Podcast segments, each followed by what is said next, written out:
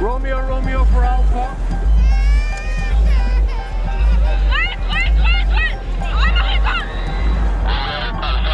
Uppdrag rädda liv. En podd från Läkare utan gränser. Plastikkirurgi är kanske inte det som de flesta associerar med Läkare utan gränser, men det behövs också i en humanitär insats. Och nu handlar det inte om att snygga till en näsa, utan om livräddande operationer. Det ska plastikkirurgen Mårten Kildahl få berätta mer om idag. Välkommen hit Mårten. Tack så mycket. Varför är plastikkirurgi viktigt även i en humanitär insats? Ja, precis som du sa, så plastikkirurgi är kanske inte det man i första hand tänker på när det gäller katastrofer. Men faktiskt är det kanske en av de viktiga områdena när det gäller att kunna behandla svåra sår och eh, speciellt svåra komplikationer efter skador. Så att eh, vi som jobbar med plastikkirurgi inom offentlig verksamhet, vi sysslar med att eh, operera människor, rekonstruera defekter efter olyckor, efter cancer, barn som har råkat ut för missbildningar i spaltbarnen till exempel och inte minst brännskador. Och det handlar om att eh, lägga om och eh, operera bort det som är bränt och sen ta hudtransplantat någonstans på kroppen och täcka såret så att man ska kunna läka det. Det var brännskadorna. Och när det gäller skottskadorna så handlar det om att rensa upp i såret, ta bort allt det som är dött och sen mm, få in frisk vävnad, flytta en muskel, eh, ett hudtransplantat, eh, Ehm, en, en, svänga en, en, en del av, av huden för att kunna täcka det här såret så att man ska kunna få läkning och därmed kunna komma igång med rehabilitering och eh, få igång ett mer normalt liv. Mm. Jag vill också passa på att säga välkommen till dig som lyssnar på vår podd, där fältarbetare som Mårten berättar om det häftiga och det hemska med att rädda liv i världens kriser och oroshärdar. Jag heter Katinka Agneskog och jobbar på Läkare utan gränsers kontor i Stockholm. Och en oroshärd som Läkare utan gränser har jobbat i många år är Gaza. Och för nästan exakt ett år sedan så utspelades det dramatiska scener vid gränsen till Israel. Under protesterna som kallas March of Return så sköt den israeliska militären över 6 000 unga män och pojkar i benen enligt statistik från sjukvårdsmyndigheterna i Gaza. Under förra året så behandlade våra team på plats över 3 500 skottskadade och många av dem är fortfarande i behov av hjälp. Men det svaga och dåligt utrustade sjukvårdssystemet i Gaza kan inte ta hand om så många skadade samtidigt. Hundratals patienter lever än idag med öppna sår och väntar på operation. Mårten, du jobbar ju till vardags på Akademiska sjukhuset i Uppsala. Men i december så var du en av de som opererade de här unga männen och pojkarna i Gaza när du var ute på ditt första uppdrag för Läkare utan gränser. Kan du beskriva vad som mötte dig första dagen i väntrummet på sjukhuset i Gaza? Ja, det var en måndag morgon. Jag kom ner dit på, på söndag eftermiddag och eh, på måndag morgon, kanske halv åtta på morgonen, så möts jag av ett, eh, ett team av sjuksköterskor och fysioterapeuter som, som jag ska jobba med den dagen. Och i väntrummet då så sitter det, jag kan tänka mig 35 till 40-tal pojkar, unga män i väntrummet. Med, de har kommit dit eh, med bilar från Läkare utan gränser. Man har varit ute och hämtat eh, eh, egentligen över hela Gazaområdet till kliniken. Och de går med sina kryckkäppar och har, eh, de flesta av dem har ställningar på benen, metallställningar som är tillfällig avlastning för man har eh, skador på ben som är fast på benet, ja, i, i skelettet för uh, skelettet då är, är trasigt och med bandage på benen, de allra flesta av dem. Så det är, en, det är ett starkt intryck att se så många av den typen av skador som vi också ser i Sverige av, på grund av trafikolyckor och annat. Men i den här omfattningen var det var överväldigande att komma in där. Mm. Ja. Vilken slags vård skulle de här med skottskador, vilken slags vård behöver de? Ja, det här, vi som jobbar med plastikkirurgi vet ju att just eh, skador, öppna, stora, svåra skador på, på benet och ju längre ner på benet är, är mycket svåra att eh, rekonstruera. Det är eh, många av de här skadorna som jag såg när jag var där nere. Det var eh, skador efter, alltså, skottskador då med, med ganska stora eh, sår. Kanske 10-15 centimeter stora sår på, på en sida benet och sen en ingångs, liten ingångsöppning på andra sidan. Med trasiga muskler, med hud som inte täcker länge såret och med, med ett trasigt skelett också. Och eh, många av de här lägger om och lägger om de här såren i veckor och månader. Men det som behövs här det är att man behöver ett samarbete mellan ortopeder som kan rensa upp och ta hand om benet och plastikkirurger som kan flytta vävnad någonstans på kroppen för att täcka de här svåra såren. Och eh, den typen av kirurgi är nödvändig för dessa pojkar och män om de ska kunna ha någon möjlighet att få såren att läka. Mm. Nu måste jag bara...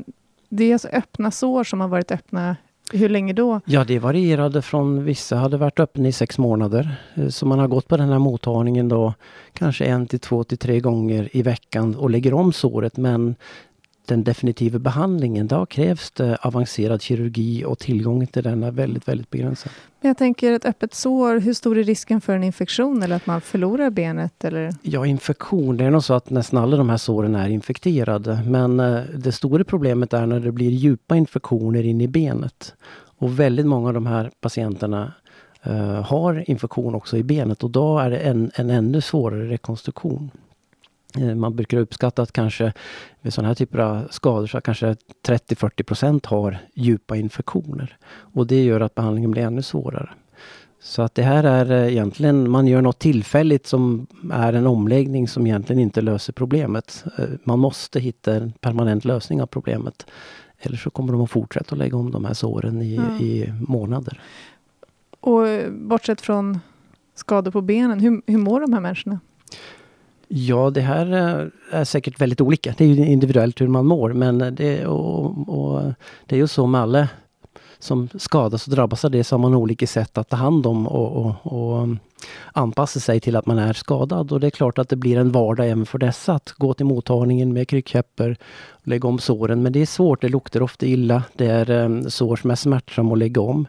Eh, så de vet ju att ja, varannan dag, var tredje dag så ska det vara den här smärtsamma omläggningen. Man ska sitta och vänta på kliniken. Och sen upplever de att det liksom inte händer något med såret. Eh, det måste vara tufft. Och det påverkar ju självklart också sociala livet, det påverkar ekonomi. Många av de här är ju de som ska försörja familjer och nu har de ingen möjlighet till att eh, få jobb på ett, i, ett, i ett område där man redan har väldigt svårt att få arbete. Där unga människor, 70% har inget jobb. Mm. Jag vet att eh, det var ju mycket också, inte bara unga män utan även pojkar. Eh, jag vet att du opererade en 13-åring. Kan du berätta om honom? Ja, en 13-årig pojke som hade drabbats av en skottskada, jag tror det var tre månader tidigare. Och eh, det var också en skottskada som satt eh, ungefär strax under knät. Igen med en litet hål på ena sidan och så var det kanske 10-12 cm stort hår på utsidan där. Och eh, ja, den här pojken, han hade ju också behövt de här omläggningarna kanske i, ja, i de här tre månaderna. Så han hade lagt om det här såret ja, kanske två gånger i veckan, tre gånger i veckan. Eh, brist på smärtstillande behandling, svårt att söva så man får ofta lägga om då, eller har fått lägga om vaket. Så han var ju väldigt, väldigt rädd. Har haft väldigt ont under de här månaderna. Eh, så att eh, när vi hade honom på operation och då kunde rensa upp såret och jag hade möjlighet att lyfta en muskel och täcka det här såret och sen hudtransplantera det så kändes ju det oerhört bra att veta att nu kanske det bara blir omläggningar i två veckor till med ett täckt sår. Och sen så ska han slippa den här typen av omläggningar. Men problemet är ju att det här är ju en av så många tusen eh, som skulle behöva den här typen av vård. Eh, och den stora frågan och den viktiga frågan är hur ska man kunna erbjuda fler den här typen av vård och det är ju helt nödvändigt om inte dessa unga pojkar och män ska drabbas av eh, långa smärtsamma omläggningar i månader och kanske halvår och risk för kanske amputationer eller, eller att det här inte läker. Mm. Jag har själv en 13-årig mm. son och vet ju att det är ju sparka fotboll och springa och att vara i rörelse hela tiden är ju mm. det mm. de gör. Vad gör det för en, en 13-åring att ständigt behöva lägga om ett sår, att inte kunna springa? Barn är ju fantastiskt på att anpassa sig.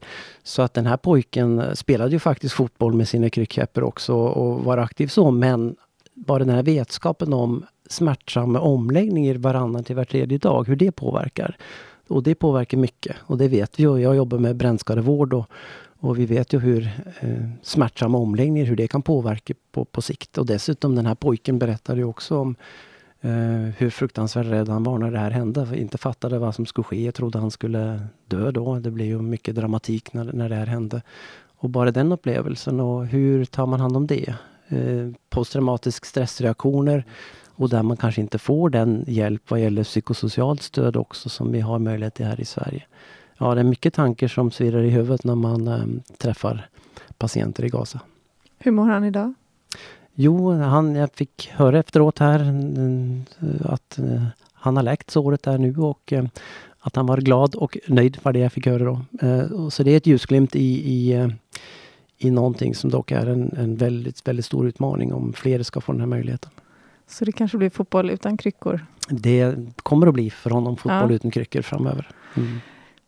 Men du, vi pratade tidigare om infektioner och risk för amputation och förlorat ben. Eh, vad innebär ett liv utan ben på en plats som Gaza? Ja, alltså ett liv utan ben, det, det finns idag goda möjligheter till att eh, ha, få moderna proteser som gör att man kan leva ett, ett fullt normalt liv. väldigt till och med aktiv idrottsutövare med en bra rehabilitering och med bra protesförsörjning. Eh, den stora utmaningen är ju då att då behöver man ju det. En bra proteser och en bra rehabilitering. Och där finns det ju brister också i, självklart i Gaza. Det är svårt att få till detta. Eh, Finns sen- det möjlighet att få proteser i, i Gaza? det finns möjlighet att få proteser men det är ju väldigt begränsat och här pratar vi om ett antal som är, eh, är vi, vi pratar om ett väldigt, väldigt stort antal. Ehm, Och ett annat problem är ju det att i olika kulturer så ser man olika på det här med amputation och det är nog något som är väldigt svårt även att prata om i, i Gaza där det är att förlora ett, ett ben egentligen innebär att ett, ett väldigt socialt stigma och, och man ser för sig att man inte kan bland, försörja familj och annat. Så att, eh, så att eh, det är något som är eh, väldigt svårt att prata om i, i Gaza också, att det kan vara nödvändigt att amputera. Och det är många av de här patienterna som jag träffade i Gaza som, som tyvärr kommer med största sannolikhet att leda till amputationer framöver. Och det att man skjuter på detta eh, i hopp om kanske få en annan typ av behandling eller att det ska läka gör ju också att det tar lång tid innan livet kan återgå till någon form av något normalt efter skadan och att man kan liksom börja tänka framåt. Man fastnar lite i någon form av limbo. Det blir så. Det blir en tillvaro där man går och hoppas på att den här omläggningen ska kunna lösa problemet. Och vi vet för väldigt många av de här att nej, men de behöver en mer avancerad kirurgi. Och det är det som jag tror vi måste kämpa för att kunna erbjuda flera. Både i Gaza och bygga upp strukturer för det, men också ge möjligheter för de svåraste av fallen att kunna åka utanför eh, Gazas gränser om det ska vara möjligt att ta hand om det här. Mm. Sjukvårdssystemet i Gaza är ju sedan tidigare svagt och, och dåligt utrustat. Men hur påverkar det här resten av vården? Att så många skottskadade kräver så mycket resurser, för folk slutar ju inte vara sjuka bara för att något sånt här händer. Nej, och det här är kanske, det, det är väldigt mycket att vi pratar om, om eh, skottskadorna nu och eh, all insatsen som görs där. Eh, jag tror att det som är mer viktigt att prata om det är precis det här, hur påverkar det resten av sjukvården? Och, och ibland är det svårt att förstå. Man pratar 6 500 skottskadade. Man pratar om att eh, Läkare Utan Gränser har tagit hand om 3 500. Alltså förstå hur, hur, hur mycket är det här egentligen? Vilket sjukvårdssystem kan klara av detta? Hur skulle jag- det se ut i Sverige? Ja, jag tänkte faktiskt på det Mm. när jag satt på, på, på tåget från Uppsala på väg hit till Stockholm. Att liksom, och försökte tänka om jag ska översätta de här siffrorna till, till vårt sjukhus. Eh, Akademiska sjukhuset har ett, eh, ett ansvar som universitetssjukhus för ungefär två miljoner människor. Och det är ungefär samma som i Gaza. Och tittar man då på, när jag försökte då tänka på att ska vi ta hand om den här typen av allvarliga skador i, i Uppsala. Där vi vet att eh, ska man göra de här rekonstruktionerna så kräver det ofta fem, fem dagars vårdtid till exempel. Så skulle det innebära att vår plastikkirurgiska avdelning skulle behöva bara ägna sig åt det här i tre och ett halvt år. Och, och, och det här är ju bara då slutenvården. Om du tänker på antal omläggningar av sår. Så under, under 2018 så bara Läkare Utan Gränser som har tagit hand om halvparten, av- halv, halva antalet skador Um, har haft- gjort 80 000 om, såromläggningar.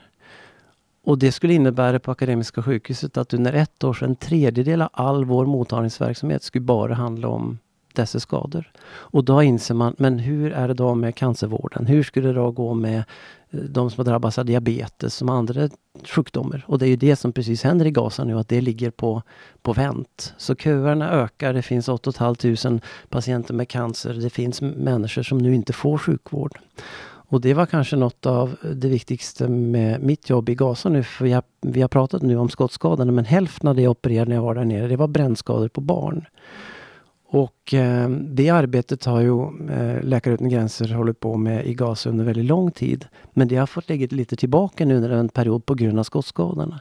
Så det var först nu man kunde återuppta den behandlingen och, och det jag såg bara inom mitt specialområde brännskador då, det var vi hade bland annat tre barn vi opererade som, som hade vi inte opererat det så hade de sannolikt fått problem med cirkulation till armar och ben för det var inte behandlat opererad från början. Så bara den, den konsekvensen av att rutinsjukvård, annan typ av sjukvård eh, kan man inte bedriva nu för skottskadorna tar så mycket resurser. Hur får de de här brännskadorna? Ja, det här är precis som i, i, i Sverige. Eh, det handlar om eh, att man välter en kastrull eh, med varmt vatten över sig. Man eh, får tända, att kläderna antänds av någon anledning.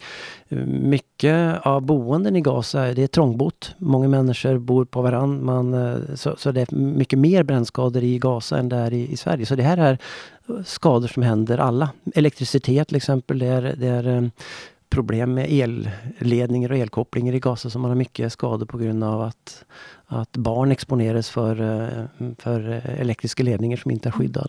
Så det här har alltså ingenting att göra med, med den här, eh, det som hände? Nej, det är, det är brännskadeverksamhet som, som skulle behöva bedrivas och som idag inte bedrivs på ett, på ett bra sätt. Och det gör ju att dessa barn eh, ja, dels eh, inte överlever när de får skador över en viss procentandel av kroppen som självklart skulle klara sig om man hade fått en bra kirurgisk behandling från början. Men också leder till att om man inte opererar brännskadorna och transplanterar dem så får de eh, kraftiga ärrbildningar som gör att de kan få svårt att röra sig eh, framöver. Så de blir handikappade. Och då är, om man inte gör något från början så är det svårt att rätta till saker och ting i efterhand? Ja, det är Eller? lite grann som med skottskadan på det sättet att om man inte opererar, från, opererar man i ett tidigt skede och transplanterar som vi gjorde nu, nu eh, när jag var där nere så opererade vi kanske ett 40-tal barn med brännskador under de två veckorna. Och eh, operera och hudtransplantera. Och då brukar det här att läka på två till tre veckor. Om man inte gör det och det är en djup brännskada så kan det ta månader och halvår att få det här att läka. Och på samma sätt behöver de här barnen då två till tre gånger per vecka lägga om såren, smärtsamt. Det finns ingen bra smärtlindring. Man kan inte söva dem. Så det ofta handlar om Alvedon eller väldigt enkel smärtmedicinering. Uh, och eh, så, uh, såren läker med ärrbildning så att man, uh, man, kan få svårt att röra en axel eller handen kan bli deformerad och så vidare.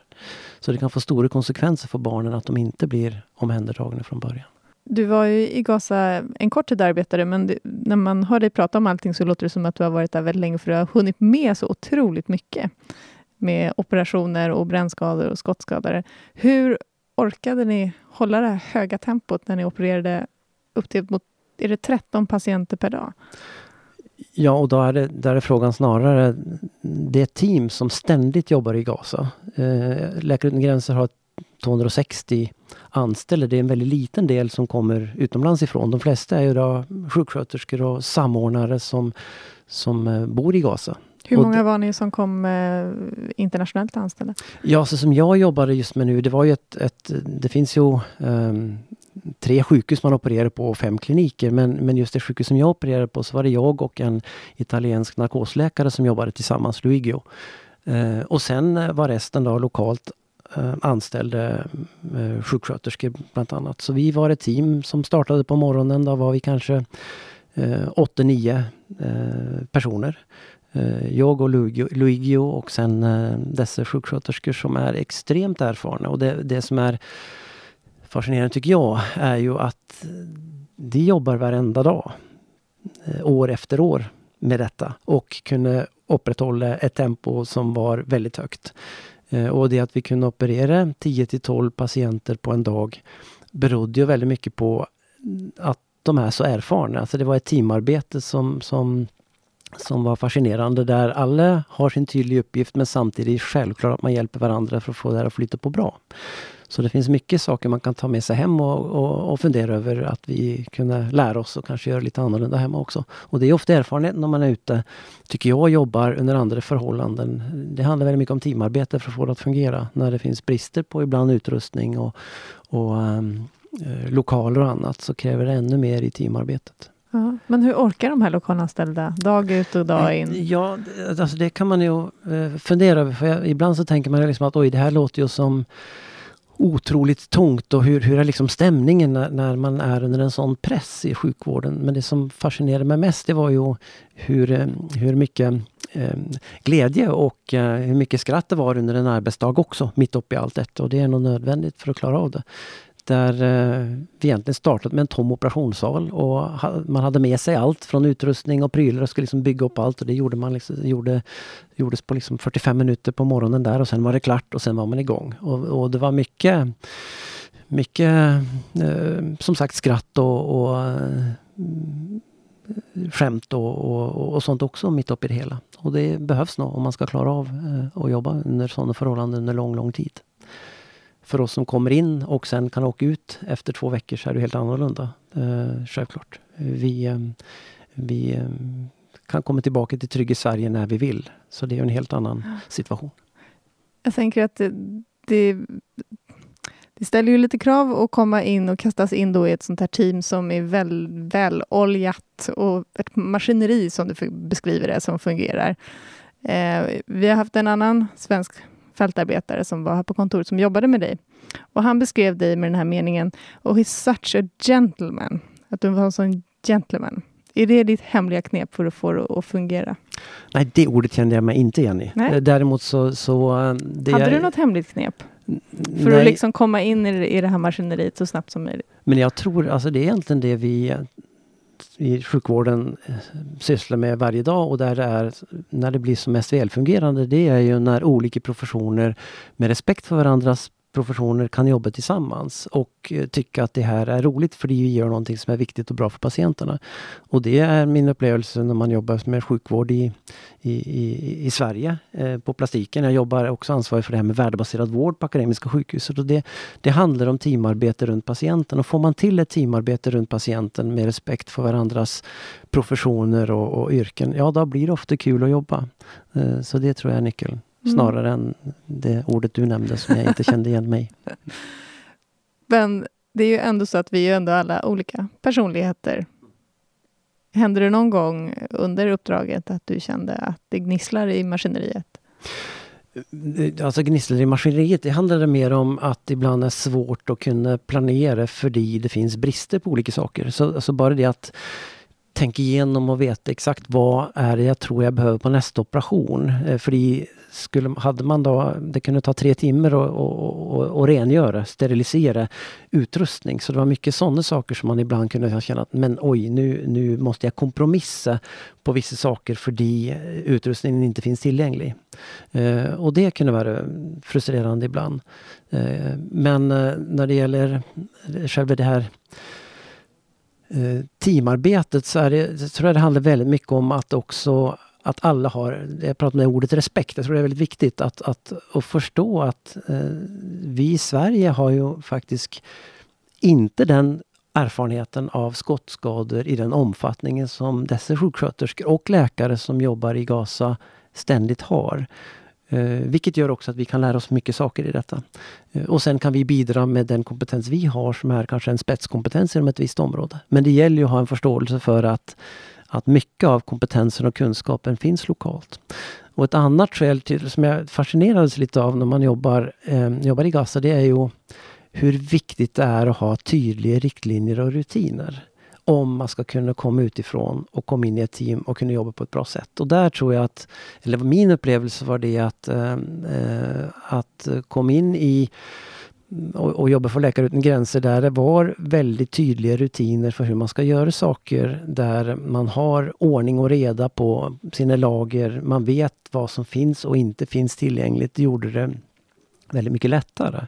Och jag jobbade på två olika sjukhus och det var också lite när man skulle ha flyttat till det andra sjukhuset där vi opererade skottskadade med mer avancerade rekonstruktioner Så tänkte jag, jaha men hur ska det bli då? Och, och nu har jag jobbat på ett sjukhus och, och, och, sett hur man jobbar där. Hur blir det på, på Dar es Salaam-sjukhuset?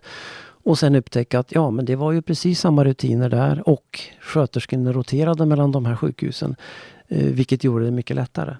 Så att eh, betydelsen av bra rutiner och veta hur man ska göra saker för att få det likriktat så inte varje person som kommer ner hittar på egna sätt att göra saker. Det är helt avgörande om det ska gå att jobba eh, tillfälligt under kortare perioder i team som jobbar ständigt. Mm. Fanns det något tillfälle när du kände att eh, nu brister det för mig eller jag orkar inte eller när man får in alla de här eh, det är bara det är ett löpande band av skottskador och eh, på ett rent personligt plan tänker jag. Människan Mårten, inte...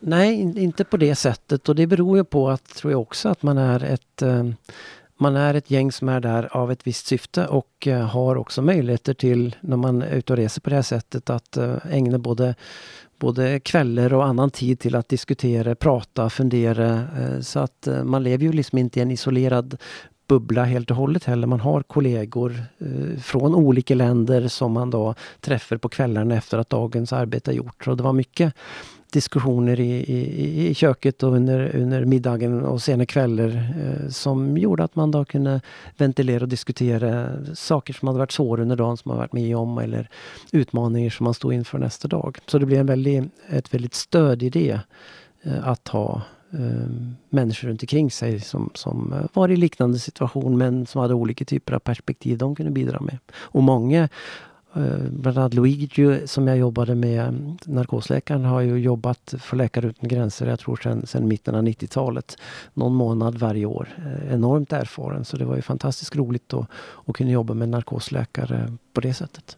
Har du kontakt med honom idag? Absolut. Senast igår hade vi kontakt och diskuterade om inte vi skulle försöka få till en gemensam resa till Gaza igen. Han uh, tyckte han skulle ta nästa månad också, som han har i år i Gaza och inte på ett nytt ställe. Så han sa han skulle fundera på det. Det blir Dream Team som... Uh... För min del så skulle det vara väldigt roligt självklart att få jobba med honom igen där. Det gick, uh, vi, vi hade ett väldigt roligt samarbete, han och jag och teamet med sköterskor där nere. Mm. Och hur ser framtiden ut för de här uh, unga männen och pojkarna i Gaza? Om du tänker framtiden för alla dessa som, som uh, nu går med sår och bara läggs om, så är det helt avgörande för dem är ju vad klarar vi att mobilisera krafter nu nationellt och internationellt för att utöka kapaciteten för att kunna göra dessa avancerade rekonstruktioner. Och som jag sa när du hörde siffrorna från, och jämförde med Akademiska sjukhuset så är det här någonting som omöjligt kan klaras inom ramen för som sjukvårdssystemet ser ut i Gaza just nu.